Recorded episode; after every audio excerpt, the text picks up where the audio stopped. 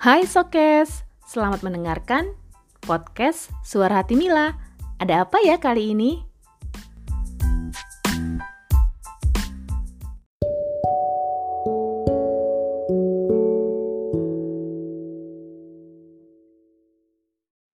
Hai Sobat Podcast, apa kabarnya? Semoga Sobat Podcast semua selalu dalam keadaan sehat ya. Mohon maaf lahir batin karena kita sudah memasuki Hari Raya Idul Fitri. Dan sekarang sudah masuk hari keberapa ya? Kalau nggak salah sih hari kelima atau keenam ya? Oke deh, lanjut lagi di podcast Suara Hati Mila. Kali challenge yaitu tentang saling menghormati perbedaan kepercayaan di ruang digital. Pada saat ini, di mana pandemi yang sudah melanda berbagai belahan dunia, khususnya Indonesia, menjadikan ruang digital merupakan hal yang paling penting. Salah satunya dalam membangun sebuah komunikasi. Komunikasi melalui ruang digital atau teknologi digital 4.0 dapat menjangkau ke seluruh wilayah, khususnya Indonesia, tetapi adanya ruang digital ini hendaknya memberikan hal-hal yang positif dalam semua sisi kehidupan dan salah satunya juga untuk kehidupan beragama.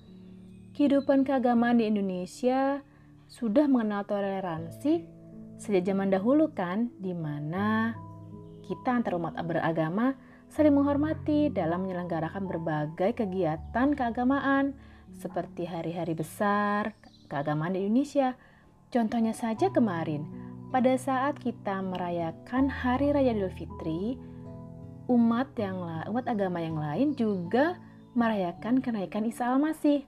Dan alhamdulillah di Indonesia tentram, aman dan damai. Dan hal ini pula ditegaskan oleh Presiden RI Joko Widodo dalam salah satu kegiatannya, yaitu di Muktamar uh, Islam, di mana menurut beliau bahwa Diharapkan dengan adanya konektivitas luring dan daring yang semakin efektif, kita bisa meningkatkan komunikasi antar umat beragama yang tersebar di seluruh wilayah Indonesia. Jadi, dengan adanya keragaman ini atau perbedaan ini tidak menimbulkan konflik antar agama. Walaupun ada perbedaan kepercayaan dalam memeluk agama di Indonesia, tetapi fasilitas ruang digital akan menimbulkan hal-hal yang positif jadi, uh, dengan adanya ruang digital ini menyebarkan kedamaian, kemudian menumbuhkan rasa saling menghargai satu sama lain, juga menghormati dalam perbedaan keberagaman. Kan Indonesia terkenal dengan keragaman aneka budaya seperti Bhinneka Tunggal Ika, berbeda-beda tetapi tetap satu jua. Itulah mengapa uh, walaupun kita berbeda-beda dalam uh, memeluk kepercayaan, tetapi kita harus tetap saling menghormati. Kemudian, hendaknya juga menurut Mila, berbagai pihak, khususnya pemberitaan melalui media sosial yang ada, tidak menimbulkan kebencian antar umat beragama. Karena harus ada klarifikasi ya, atau cek and recheck terhadap semua pemberitaan terkait agama.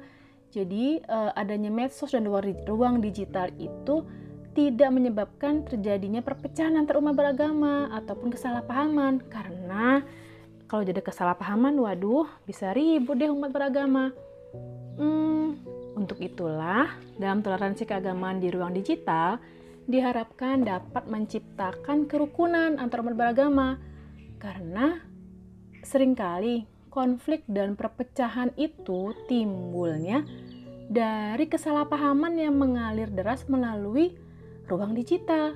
Untuk itulah, mengantisipasinya dengan cara moderasi beragama. Mila mengutip dari sumber jurnal Bimas Islam volume 13 nomor 1 tentang moderasi beragama dalam ruang digital yang ditulis oleh Wildani Hefni di mana beliau menjelaskan bahwa tentang moderasi beragama sangat penting, yaitu moderasi berasal dari bahasa Latin yaitu moderatio yang memiliki arti kesedangan, tidak berlebihan atau tidak uh, kekurangan. Sedangkan menurut Kamus Besar Bahasa Indonesia atau KBBI, moderasi dimaknai dua pengertian yaitu uh, pengurang kekerasan dan penghindaran keekstriman. Untuk itulah, moderasi beragama dapat diartikan sebagai adanya kita cara pandang kita, kemudian sikap dan perilaku yang berada di posisi tengah tanpa kita memihak ataupun berlebihan dalam beragama atau dalam hal e, kepercayaan beragama. Adanya moderasi ini atau moderasi beragama ini akan menimbulkan toleransi, di mana akan muncul sifat saling menghargai, saling menghormati antara satu kelompok dan kelompok yang lain, antara satu komunitas dan komunitas yang lain, dan juga antara satu pemeluk agama dengan pemeluk agama yang lain. Dan moderasi beragama ini merupakan cikal bakal nih lahirnya sebuah toleransi. Jadi kalau ada moderasi beragama sudah ditanamkan di jiwa kita, maka toleransi itu pasti ada. Jadi diharapkan pertumbuhan ruang digital yang semakin pesat ini menuntut kita sebagai masyarakat penggunanya untuk hati-hati dalam mendapatkan informasi khususnya tentang keagamaan. Jadi kita harus saring dahulu, hindari hal-hal yang dapat merusak toleransi beragama, ambil hal-hal yang positif yang dapat menambah ilmu, dan juga tidak ada hoak atau ujaran kebencian dalam beragama. Itu sangat dilarang. Oleh karena itulah, moderasi beragama menjadi dasar dalam pemahaman menciptakan toleransi atau saling menghormati perbedaan kepercayaan dalam ruang digital. Sehingga adanya informasi dari ruang digital menciptakan komunikasi yang baik antar umat beragama, serta memperkokoh persatuan dan kesatuan bangsa walaupun dalam keberagaman agama yang ada di Indonesia. Itu saja menurut Mila. Jadi, tetap saling menghormati, tetap saling menyayangi, tubuhkan persatuan kesatuan bangsa Indonesia walaupun berbeda dalam keberagaman agama yang ada. Terima kasih telah mendengarkan podcast Suara Hati Mila. Sampai jumpa kembali. Salam sayang selalu dari Mila.